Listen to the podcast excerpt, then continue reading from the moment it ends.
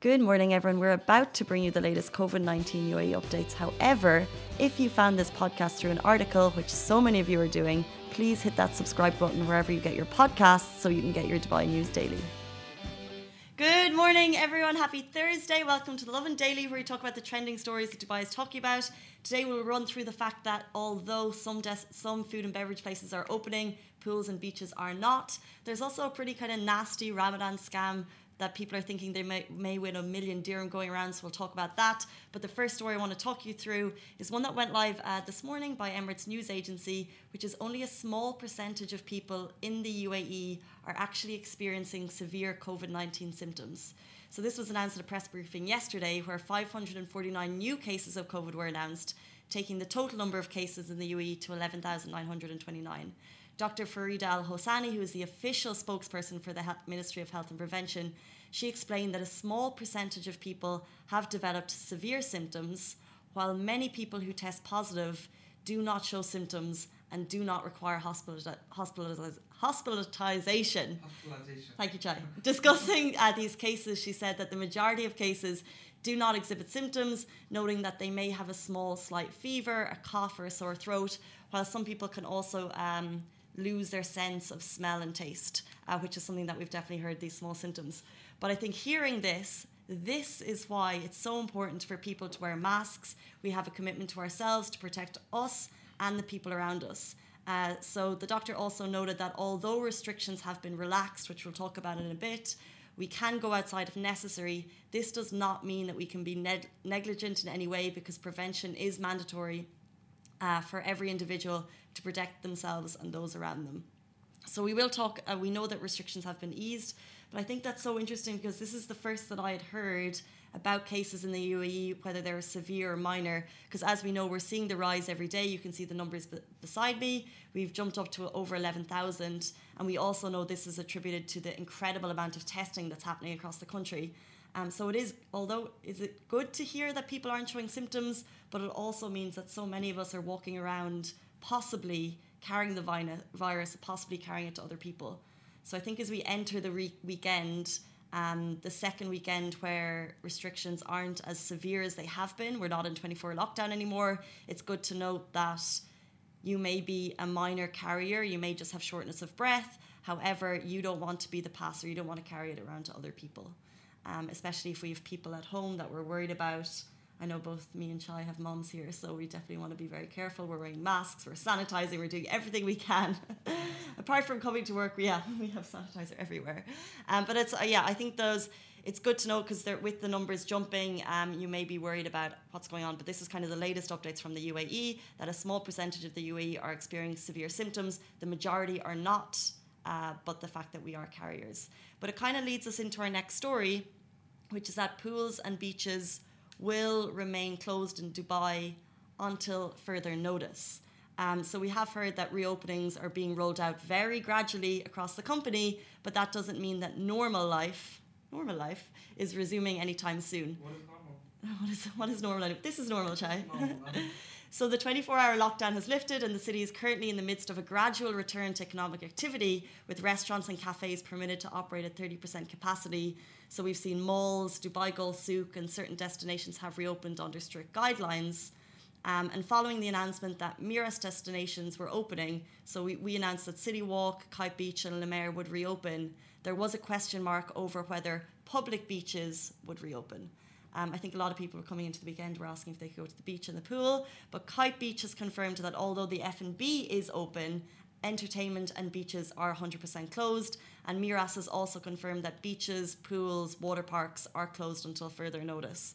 So anyone that was questioning, because I think people, the Kite Beach is actually a destination with all the food and beverages and entertainment. Public beach there is separate. It's just that we call it Kite Beach.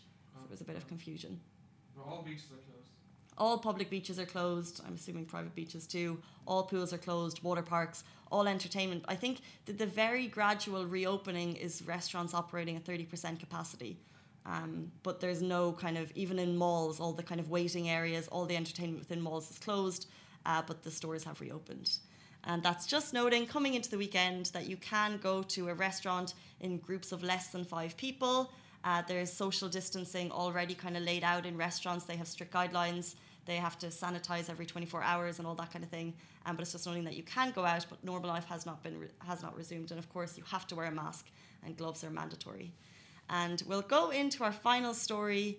There is a one million dirham Ramadan scam that's actually linked to a bogus Dubai ruler website. Um, so if you've gotten a message about a one million prize, please think twice. Um, scam messages like this are not uncommon in the UAE. I've definitely gotten a few in my time. However, this one looks like it's linked to www.sheikhmohammed.ae. And actually, the TRA, which is the Telecommunications Regulatory Authority, have actually posted a message, which you can see beside me, uh, to warn people against it. People are getting messages with the fake link, and it's even got a picture of His Highness on the message. Anyone who clicks the link is asked to answer three religious questions for the chance to win a big cash prize. And the fact that it's got a photo of His Highness and it's got three religious questions and it's related to Ramadan, people are going to fall for it, which is why the TRA have had to do this whole video beside me.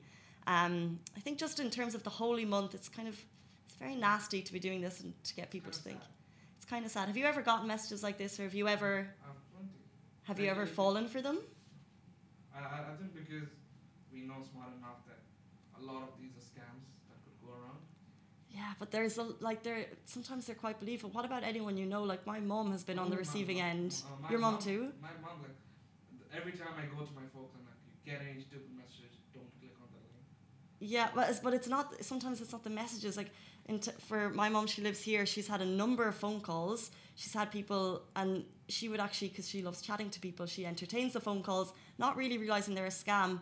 And she nearly went to a cash machine one day to withdraw cash. Wow. She's really been on the receiving end of these, which is why I'm so. They really frustrate me. Yeah. At, at least, at least for we, we would know better, but it's also to help out everyone else. Like people fall for this, like especially right now. especially right now i think Yeah. especially if you've lost your job and you see the fact that you could win one, 1 million dirham and you're probably thinking okay there's scammers but are they going to relate it to the holy month surely not Yeah. the fact that they've related to the holy month i think is the worst part of it um, so yeah just if maybe you don't fall uh, prey to scams but if you have maybe someone in your family or a friend who does uh, this is the one to let them know that it's completely bogus it's not linked to his highness in any way and the tra are warning us against it um, moving on to our isolation diaries, this is a fantastic one. Chai said that you've seen videos like this, but I think this one is actually itself. Um, let's turn it because I think even the sound effects of this are pretty.